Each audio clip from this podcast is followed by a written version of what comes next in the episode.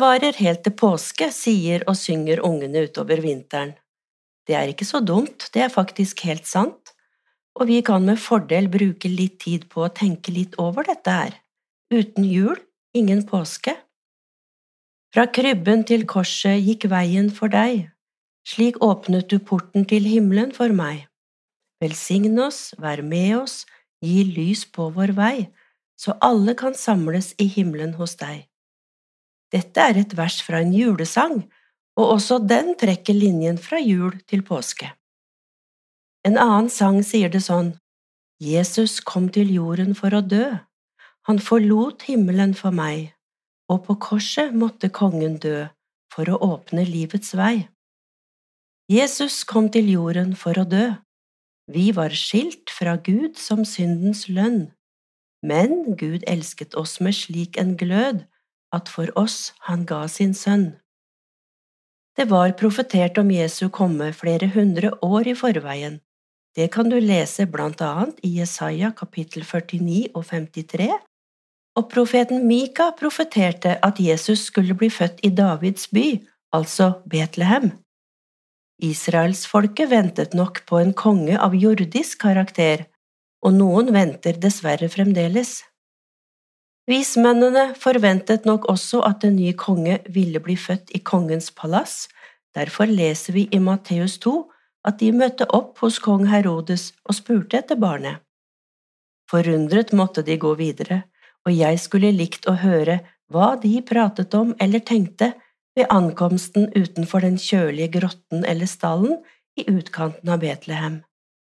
De stolte heldigvis på ledestjerna og fant noen overraskede kuer, et sliten, trofast esel med ømme hover og et nyfødt guttebarn, innpakket i noen tøyremser, liggende oppe i stikkende høy i dyrenes fòrkasse.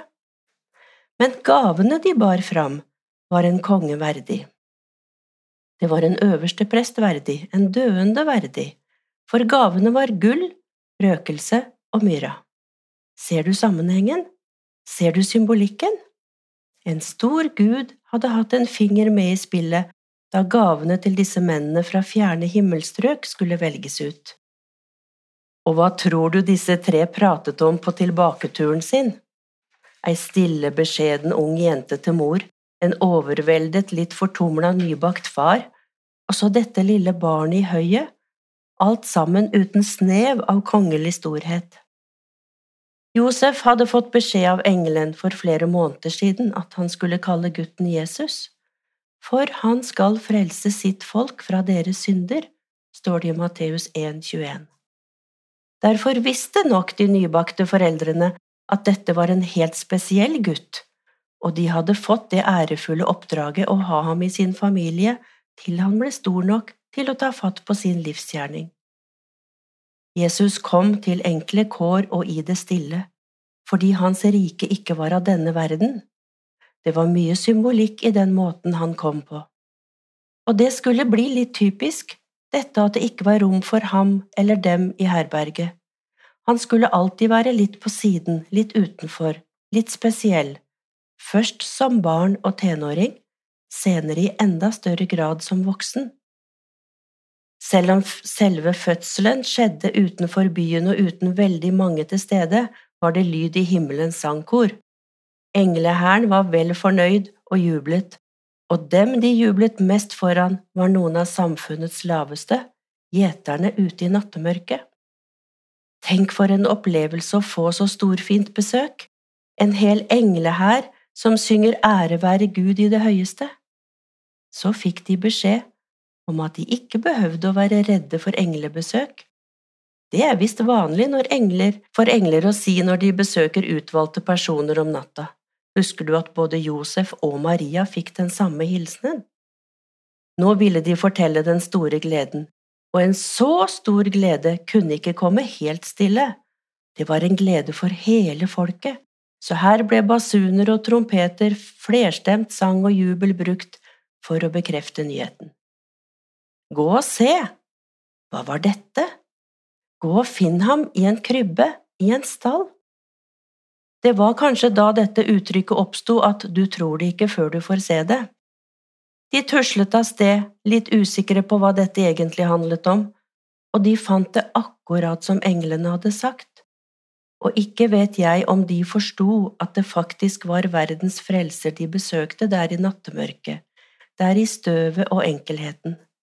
Men én ting vet jeg, de opplevde der og da at den allmektige Gud, som englehæren hadde sunget om, har en helt annen målestokk på mange ting enn det vi mennesker har. Så enkelt og stille kom Gud til vår jord, så høyt er jeg elsket av Jesus min bror. Han kom fra Guds himmel, Gud selv var han lik, men Jesus ble fattig, og jeg er blitt rik. Der, i nattemørket, fikk de møte Han som Gud hadde omtalt i profetiene. Jeg gjør deg til lys for folkeslag, så min frelse kan nå til jordens ender.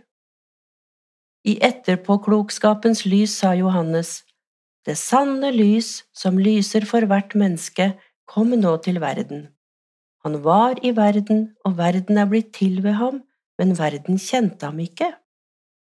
Og ordet ble menneske og tok bolig iblant oss, og vi så hans herlighet, en herlighet som den enbårne sønn har fra sin far, full av nåde og sannhet. Det var ikke rart at englehæren jublet og ville si ifra at her var det noe ekstraordinært som skjedde, i tillegg til den pålagte innskrivningen i manntallet. Himmel og jord møttes den natten.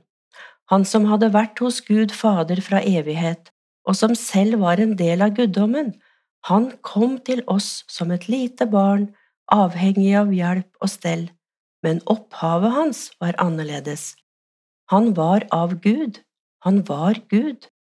Han kom for å bli vår redning, han kom for å bli vår bror, han kom for å leve livet på vegne av deg og meg.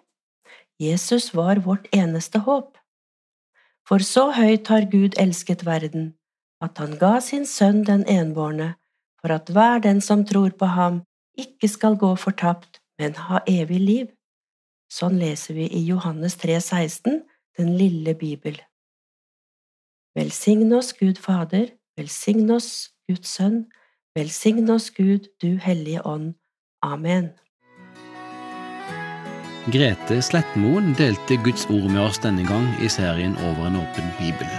Den produseres av Norea Mediemisjon. Du finner vårt rikholdige arkiv av andakter på norea.no.